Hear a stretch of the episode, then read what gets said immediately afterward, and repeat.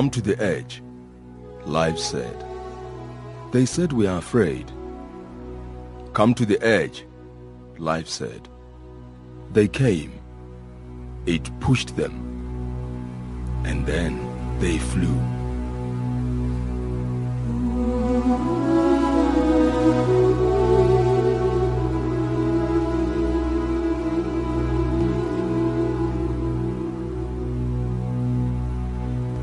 Sy's 'n fenominale vrou. Sy's 'n baie sterk vrou wat ek dink deel is van haar van haar sukses en van haar oorlewing. Sy het uitgestyg bo kan haar omstandighede op alle vlakke. Sy lei 'n onafhanklike lewe met die hulp van haar helpers. Dis wonderlik om te sien dat iemand met so 'n erge gestremdheid nog steeds 'n vol lewe kan lei.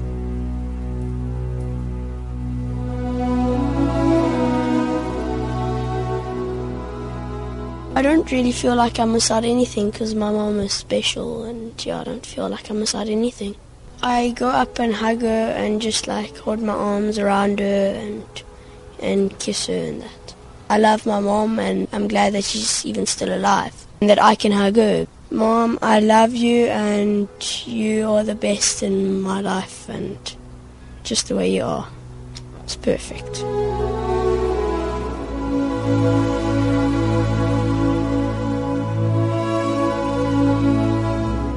Sy's konstant. Sy gee net om op 'n op 'n level wat ons te besig voor is deesdae. Sy het 'n stilte en en 'n insig wat ongelooflik is. Tracy is werklik 'n ikoon. Sy's 'n ware vriendin. Sy is 'n ongelooflike ma. Um ons lewe in so fisiese wêreld waar as ons nie iets met ons hande kan doen nie dan het ons amper nie 'n idee wat om te doen nie. En net die manier waarop sy hom grootmaak, hy is regtig bevoorreg om haar as sy ma te hê en haar keuse is om dit wat sy het ten die beste van haar vermoë te gebruik om die humor daarin te sien om mense daardeur te inspireer. As ek in die oggend hier instap, sy is absoluut my inspirasie. As ek nou kyk, elke keer mens mens voel die week raak nou lank en dan kom jy hier en dan dink ek môre oggend nee, kom, staan op. Tracy wat nie eers hare kan kam nie, sy kan nie eers voel hoe sag is hare vir my om om so 'n belangrike deel in haar lewe te wees en is amazing. Sy is absolute inspirasie en ons almal weet dat hoe vrouens is. Ons hare, dis wat jy is. Dit vry my gesig om deel te wees van daai belangrike aspek in haar lewe is fantasties. Elke persoon het seker 'n verskillende treisie in hulle lewe. Van ons wat met haar te doen het, is in die bevoordeelde posisie om hierdie treisie in ons lewe te hê. Ek dink sy inspireer my verskriklik baie om goed te doen wat ek andersins nooit sou gedoen het nie. Ek het laas jaar geleentheid gehad om te gaan kajak oor die oop see en ek het hierdie vrees vir oop diep see want dit voel vir my ek kan nie sien wat daaronder aangaan nie. En ek het daar gestaan en besef maar as dit sy was as sy die geleentheid aangegryp het. So ek ek mag nie nee sê nie. En maar behalwe dit, ook klein goedjies in die lewe wat mense partykeer oor wil kla. Ek onthou partykeer as ek gordyne moet toemaak, ons het so groot venster en jy het hordes gordyne. En dan dink ek, weet jy, ek mag nie kla nie want wat 'n wonderlike voorreg is dit om net gordyne te kan toemaak, want sy kan dit nie doen nie. Waar ek altyd in die begin raak gesien het wat Tracy nie kan doen nie, sien ek nou raak wat Tracy kan doen. En nou is sy vir my soos 'n vriendin. Sy's nie meer my pasiënt nie. Ehm um, en ons vul mekaar aan. Ek sien lankal nie meer raak dat sy verlam is en dat sy nie arms en bene het nie. Sy's so 'n besonderse mens en sy's intelligent. So dit is terapeuties vir my om elke maandagooggend hier na haar toe te kom en ons werk hier buite in die tuin en ek kan my hart uitstort oor al my probleme en en sy het insig in al hierdie dinge. Sy was 'n onderwyseres gewees, so ons is mekaar se terapeute. Uit die aard van haar situasie is dit nie net altyd maklik nie. Sy sy raak depressief, sy raak moedeloos, sy raak verskriklik gefrustreerd met tye want mense doen nie wat sy vir hulle vra nie en sy kan nie self al goed doen nie. Dis hoe dit is ten spyte van baie slegte goed wat met haar gebeur het in haar lewe en swaar goed, fisies en emosioneel, gaan sy aan. En met blymoedigheid, ons het nie regtig 'n keuse as om aan te gaan nie. Maar ons het 'n keuse hoe ons aangaan. Of ons op 'n hoop gaan sit en of ons gaan lewe. En Tracy lewe. Dit was by een van haar motiveringstoesprake waar ek Tracy Tot se storie vir die eerste keer gehoor het.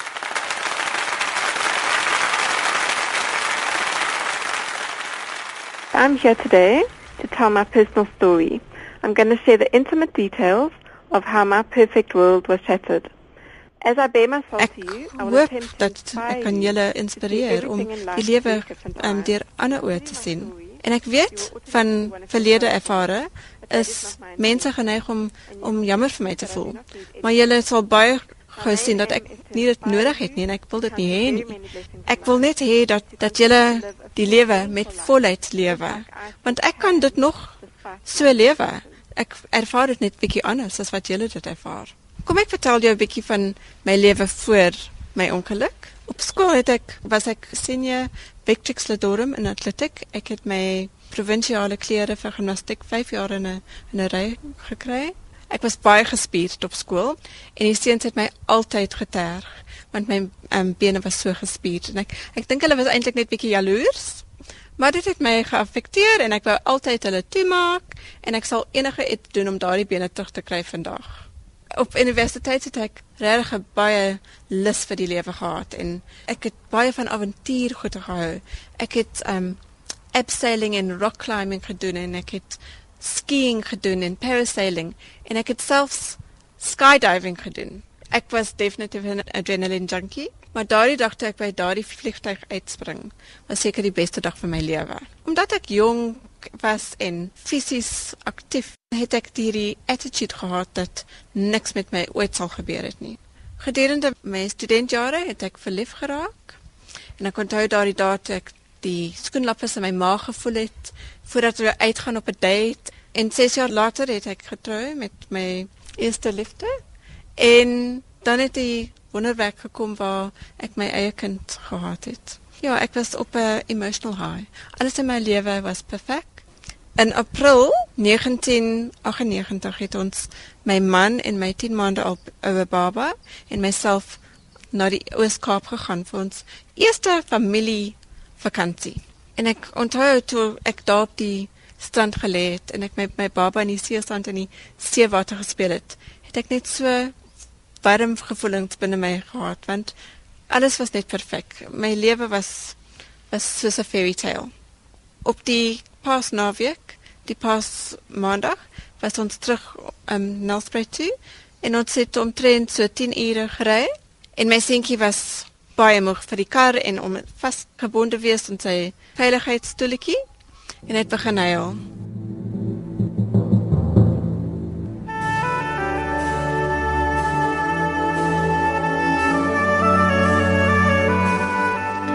En ek kon dit nie meer hanteer nie en ek het 'n keuse gemaak. Ek het my sitplekgordel afgehaal.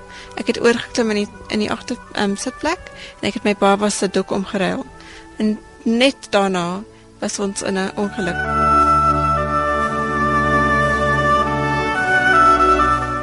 Ek het my kop aan die dak van die kar gestamp. Ek onthou ek het niks pyn gevoel nie en ek was bewus van alles wat om my gaan. En ek het gesien hoe my hand van bo my kop af geval en in my skoot beland en ek het onmiddellik geweet dat ek my nek gebreek het. Ek kon my baba hoor in die kar huil, maar ek kon nie omdraai om te sien waar hy is nie. Maar dit was 'n wonderwerk my seentjie en my man en die wentjie waarmee ons saam op vakansie was, was almal nie beseer nie. Ek was die enigste een beseer. Ek het wakker geword in ICU op 'n asemhalingsmasjien en ek onthou toe my man vir my die nuus oordra dat ek altyd verlam sal wees van my nek af. En ek onthou hoe die trane by sy oë uit oorstroom en en dieselfde vir my. Ek is nooit so bang in my hele lewe nie.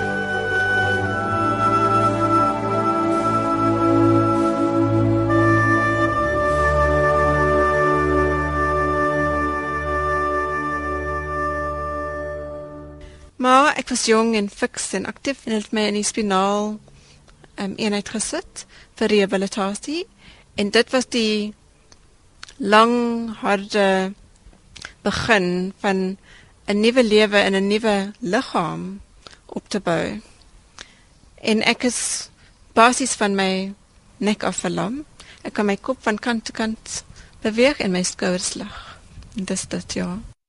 Ek het haar begin sien 3 maande na haar ongeluk toe sy teruggekom het van Pretoria na sy rehabilitasie by die ehm um, rehabilitasiesentrum gedoen het. En wat gebeur het is haar spinaalkoord is afgesny geraak as gevolg van die nekfraktuur wat sy opgedoen het. En jou spinaalkoord is die pad wat die boodskappe neem van jou brein na jou na jou arms en jou bene toe. En jy kry nou verskillende vlakke um, van nekbeserings. Hare is 'n baie hoë vlak, dis 'n C3, C4 fraktuur gewees wat beteken dat sy omtrent net nek en 'n klein bietjie skouerbewegings oor het. Haar haar arms en haar hande en die res van haar lyf werk glad nie want die boodskap kan nie van die brein af deurkom by die spiere nie. Sy kan nie velsensasie voel nie. Sy kan nie diep druk voel nie. Sy kan nie temperatuur voel onder haar skouervlak af nie. Sy kan wel drukking in haar ingewande voel. Met tyd leer sy om die gevoel wat sy het te interpreteer. Dis nie soos wat ek en jy voel maagpyn en rugpyn en toonpyn nie, maar sy weet as daar iewers iets fout is met haar liggaam. Gewoonlik kry sy hoendervleis of sy kry nagsweet en dan weet sy iewers is iets fout. En Tracy se vlak van besering is die hoogste vlak van besering wat jy kan hê en nog steeds onafhanklik kan asemhaal en funksioneer. As haar besering 'n sentimeter hoër was, sou sy nie onafhanklik kon asemhaal nie, wat beteken dat sy vir altyd op 'n ventilator is. En daar is sulke mense. As haar besering 'n sentimeter laer was, sou sy meer armbeweging gehad het, sy sou dalk beheer gehad het oor haar elmboë sodat sy haar arms kon buig, wat beteken dat sy dalk haarself sou kon voer, dat sy haar neus sou kon krap as sy gejuk het, dat sy haar hare kon kam elke sentimeter laer wat jou besering is, gee vir jou 'n magdom meer funksies wat jy vir jouself kan verrig.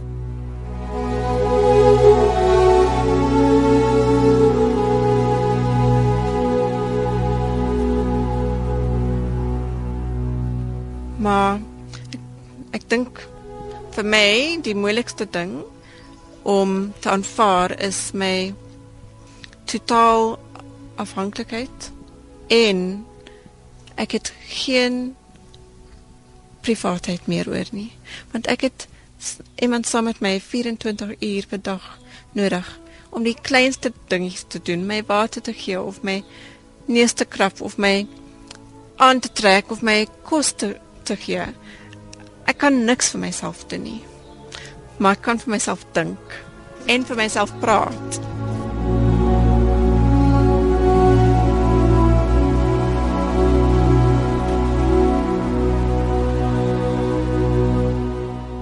Daai eerste dag toe jy huis toe kom.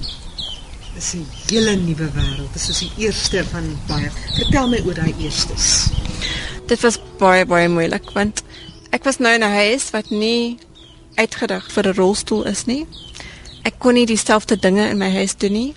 Ek was nie dieselfde mens nie. Ek het nie so gevoel nie. Fisies. Ek het net gehuil.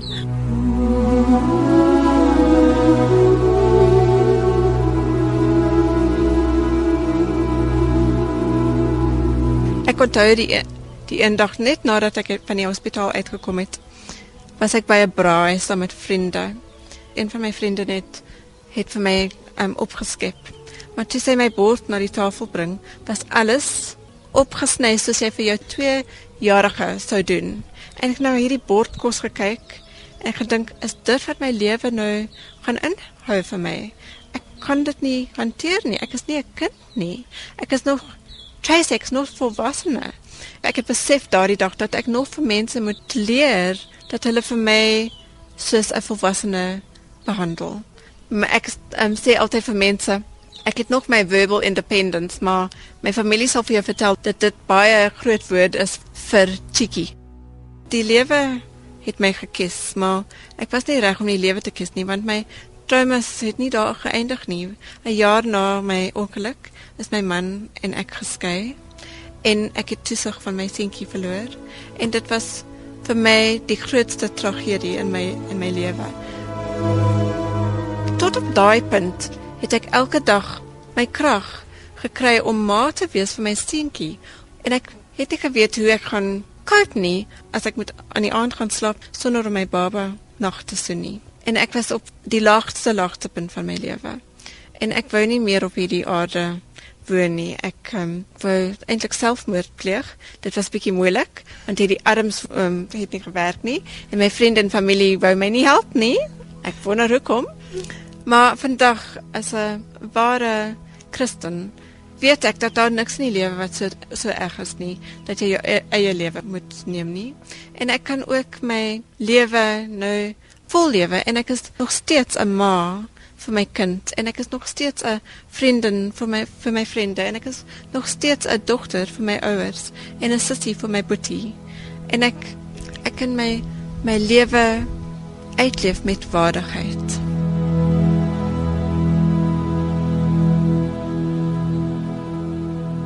Ek ken glad nie vir Tracy Tat nie, maar as ek na haar storie luister en wat sy gedoen het, is dit op 'n professionele uh, vlak presies die regte stappe wat sy gevolg het. Ons het almal 'n genesingstydperk nodig.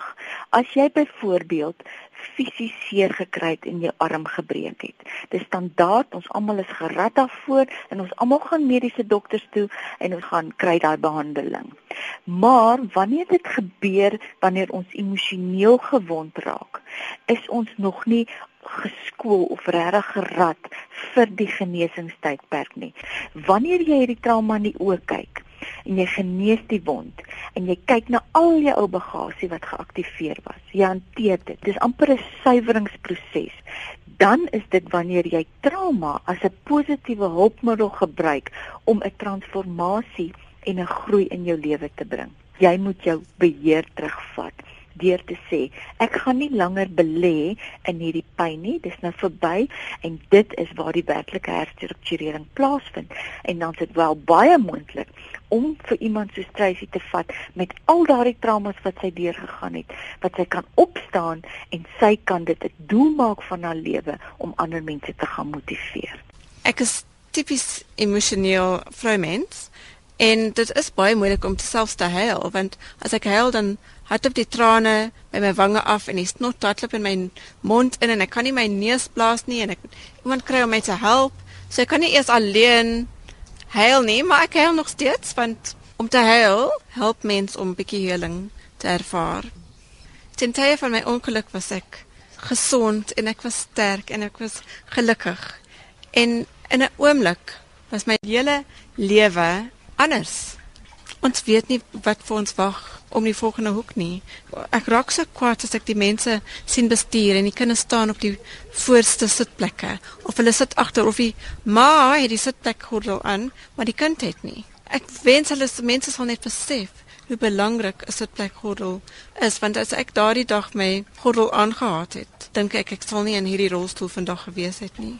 Ons stel onsself bloot aan risiko elke keer as ons aan die motor inklim sonder om vas te maak. Nie net het ek my arms my bene verloor nie. Ek het my loopbaan verloor. Ek het my toesig van my kind verloor, my man verloor, my huis verloor. Alles. Ek het alles wat na aan my hart was in my lewe op daardie tyd verloor. En dit kan met enige iemand gebeur. So wat is oor? Wel, dit is asof die lewe my gekies het en dit was nou na my om die lewe te kies en dit te koester. Want ek het nog baie oor om te waardeer en en voor dankbaar te wees in my lewe. 'n Vreemdeling het my eendag uitgenooi om saam met hom te gaan makrelaat en die ou adrenaline junkie trace het weer uitgekom en ek het saam met hom gegaan en dit was die heerlikste ding. Ek het daar bo in die lug so vry gevoel en so normaal gevoel. En ek onthou toe ons hier kom land. My rolstoel was daar op die grond en dit was leeg. En toe ek daar oor kyk, het ek sommer weer gehuil want ek kon nie glo dat ek weer in hierdie rolstoel moes inklim nie. Maar ek het ook geleer dat hierdie rolstoel my voete is, my bene is, vir my is dit my vryheid. Wat is ek klein goedjies wat jy mis? Ek mis om iemand 'n drukkie te gee. Ehm um, ek mis om op die gras te loop kaalvoet. Ek mis om om my tande self te borsel. Om te waai. Jy weet as jy verby iemand gaan en jy ken hulle. Jackie, kan jy gou vir my 'n slukkie water gee? My mond is bietjie droog. Ja, en dit dinge soos dit. Ja, waar jy nie self net kan gou-gou 'n slukkie water neem nie. Ek moet altyd iemand vra om die kleinste ou dingetjies vir my te doen. Die ergste is eintlik as my kop juk of my neus juk. Kan ek nie die kop krap nie En dit voel baie keer asof ek gaan mal word want jy probeer om iets anders te dink. Dit raak eintlik erger. Ek onthou eendag toe ek in my sitkamer sit, die lamp was aan langs my. En daar was 'n mot wat die hele tyd aan die lamp vasgesit het. En hy flik rond en ek flik die hele tyd in my gesig in vas. En ek vat 'n diep asem en ek wou die mot wegblaas. En hierdie mot gaan binne my mond in. En nou kan ek hom nie uitkry nie. En ek wil net vir julle almal sê dat mot nie die smaaklikste happie is in die wêreld nie. Met dit alles, het jy weer die mooi gesien in mense, die ondersteuning. Ja, ek het die twee mees wonderlikste ouers. Hulle het my gehelp fisies en my finansies. Hulle het my met alles gehelp en ek bly nie saam met hulle nie, maar hulle bly naby. Hulle is elke dag hier en hulle support my. Die gemeenskap in Nelspruit is baie baie goed vir my. En ek het my assistente, so my assistente nooit met geld kan betaal nie vir wat hulle vir my doen nie. Ek het alles gehad in my lewe, maar ek was ek was nooit tevrede nie.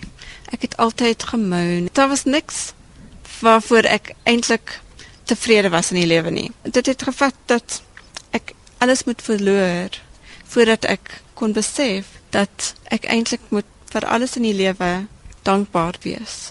My seentjie is die lig in my lewe en vir baie jare sonder dat hy dit ooit geweet het, was hy eintlik die rede hoekom ek elke dag uit die bed uitgeklim het of kon nie eintlik self uit die bed uitklim nie, maar hy was my inspirasie.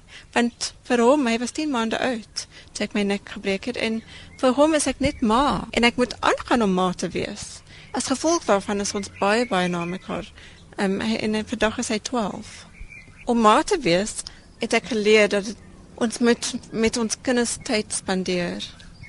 En ek was 'n onderwyseres voor my ongeluk.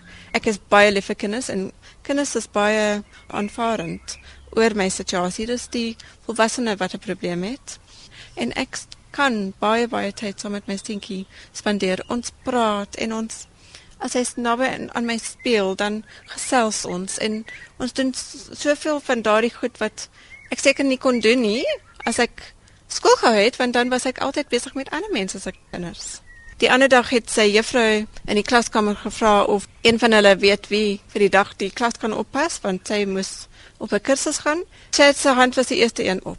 Ja, sy maak 'n klas gee. Die juffrou het my gebel en ek kon hoor dat sy bietjie senuweeagtig was om my te vra en ek het ek het gegaan en dit was die mees wonderlikste ervaring om weer terug in daardie klaskamer te wees saam met daardie kinders. En ek glo dat dit eintlik voorreg is dat daardie kinders aan my blootgestel is want ek onthou toe ek 'n kind was het ek nooit iemand in 'n rolstoel geken nie. Totdat die dag ek my nek gebreek het het ek gedog rolstoel is vir ou mense. En ek het niks van hierdie wêreld af ge geweet nie. Dit is eintlik baie baie sad want ons word aangemoedig om in hierdie land almal te aanvaar Ek is in die dorpie eendag by die winkels en hierdie kleintjie, hulle loop rond my stoel en vir al die seentjies. Hulle kyk die stoel uit en hulle sê, "Cool. Jy's so gelukkig." En ek kyk hierdie seentjie aan en dan sê hy, "Wat het met jou gebeur?" Ek vertel hom dat ek my nek gebreek het en ek vertel hom dat ek net nie my sitplekgordel aangehad het nie. En hy beloof my dat hy altyd sy sitplekgordel dra ek opereer my rolstoel met my ken. Ja, toe vra hy vir my, kan ek nie opstaan nie want hy wil bietjie 'n beurt op die rolstoel kry nie. Ek sê vir hom ek wens ek kon. Tracy, dis nou tyd vir 'n bietjie oefening doen en jy vertel my jy word gaan moeg nie. Nie fisies moeg nie, want ek kan nie my spiere self beweeg nie. Maar Daleen, sy gaan nou vir my alles lekker losmaak. So sy kan vir jou vertel wat sy nou alles gaan doen. Berlin, ehm um, Tracy is nou hier in so 'n uh, fisioterapie tafel en sy's eerstens heeltemal op die naad van haar rug het sy gelê en jy het haar so heeltemal opgehuis tot in 'n uh, staanposisie. Tracy, dit is seker baie lekker om te kan staan. O oh, ja, dis baie lekker. Ek voel so lank en ek kan alles sien en ek kan bo op my TV kas sien en ek hou daarvan ja.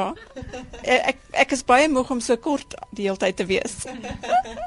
Weet jy dis baie belangrik dat Tracy moet staan ten minste 2 maal 'n week. Vir die bloeddruk is dit goed, vir haar beendigtheid is dit goed want omdat sy die hele tyd sit, jy weet, is daar glad nie ehm um, gewig wat op haar bene druk soos ons wat loop en kan staan nie. Ek verstaan dit alles, maar Tracy is verlam. Hoekom is dit nodig? Want anders gaan sy in 'n bondeltjie intrek. As al jou spiere verkort, gaan sy haar hande gaan altyd hier bly en haar bene gaan altyd optrek. Jy weet, dan gaan sy nie eers kan sit in 'n stoel behoorlik nie.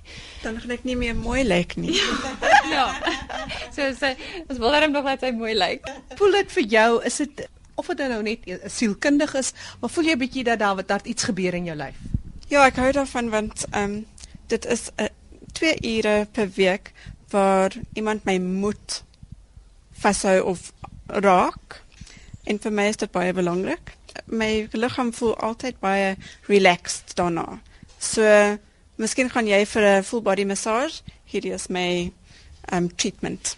Maar dit is nog belangrik dat ek na myself kyk want ek is nog vrou en ek wil nog nie, nog vroulik wees.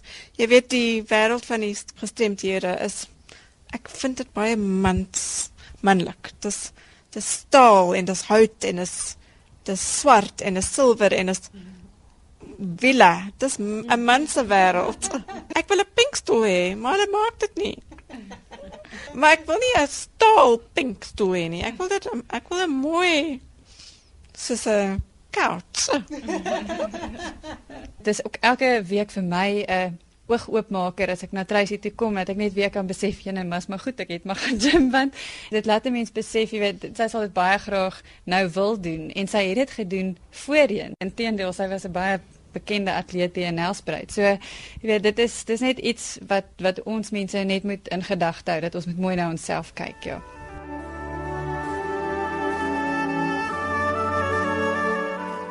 As ek 'n towerstaf kon swaai en een wens vir Tracy kon wens, dan sou ek wens dat daar iemand oor haar pad sou kom, 'n man wat verby haar liggaam sal kyk wat nie werk nie en die vrou binne in haar sal raak sien. Ek dink sy's 'n ongelooflike mens in 'n verhouding. En want ek weet as hy dit raak sien, sal hy baie baie lief word vir haar. Sonder om oorgretig en gulsig te klink. Natuurlik wens ek vir haar om weer te kan loop. Dis ons almal se wens vir haar maar ek gaan nie gulsig wees nie. Ek gaan net vra vir 'n 2 cm laer vlak van besering. So dit sou haar arms het sodat ons mekaar kan vashou. Jy weet daai seentjie was 10 maande oud toe sy haar nek gebreek het. Ek bedoel dis 'n babietjie en sy kon hom nie vashou nie. Dit het my hart die meeste gebreek. Is dit nie die die ultimate vorm van van liefde gee is om iemand 'n drukkie te gee nie? Ek sal wens dat daar 'n skool is wat haar kan akkommodeer dat sy kan teruggaan in onderwys. Dis haar passie.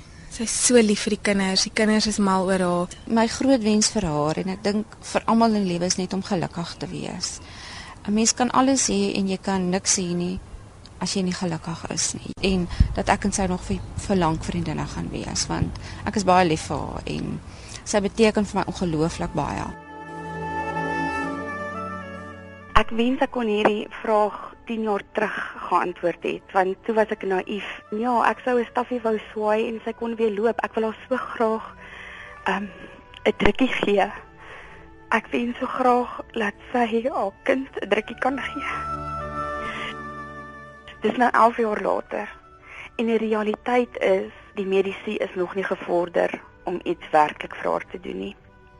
Op die oomblik wens ek net dat daar weer care in die woord caregivers kan wees ons verwys nie meer na caregivers nie, ons noem hulle nou caretakers. Mense is nie regtig opgelei en nie regtig meer met hulle hart in 'n professie nie. Dit jy weet hulle kry salaris aan die einde van die maand en dit is hoe hulle jou hanteer. Ek wens sy kan finansiëel um, onafhanklik wees sodat sy nie ten spyte van alles anders ook nog eh, ehm um, daaroor hoef bekommerd te wees nie. Dan is daar hierdie dromer in my wat net hoop sy kan sy kan opstaan en loop. I wish and I will wish every day is for her just to be able to use her hands and her arms. She doesn't have to be running, doing gym and all that. Just to be able to pick up her arms and cuddle and love her little boy. Ek dink ek het gehoor my vrou sê alreeds as sy net haar arms kon gebruik om haar kind uh, net naby aan haar vas te hou, dink ek sal dit haar soveel vreugde gee. Dis wat ek vra wens. My mom always said that she wishes to hug me and that I wish that she could one day hug me because she's wished to hug me. To me, it's it does matter because I would love my mom to hug me, but I love my mom and I'm glad that I can hug her. Om my seentjie in my arms styf vas te hou. Ek wil net hom styf, styf, styf vasdruk. En hy druk vir my elke dag, maar ek wil dit self as ma wil ek dit vir hom doen.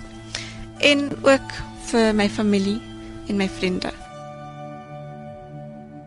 Loop is nie vir my die mees belangrikste ding nie, want ek weet ek kan voluit lewe sonder om te loop. Maar hoop vir goeie dinge in die lewe vir my vriende en my familie wat so goed is vir my. Ek hoop dat alles vir hulle reg in die lewe sal gaan want wat hulle vir my beteken is so groot. En jy weet as goed nie vir hulle in die lewe reg gaan nie, dan het dit 'n direkte effek op my. En dis nie net vriende en familie, dis 'n gemeenskap, dis 'n land, dis Suid-Afrika, dis alles. Ek glo dat ons almal ons stories met mekaar moet deel sodat ons nader aan mekaar kan kom want as Suid-Afrikaners is ons uniek.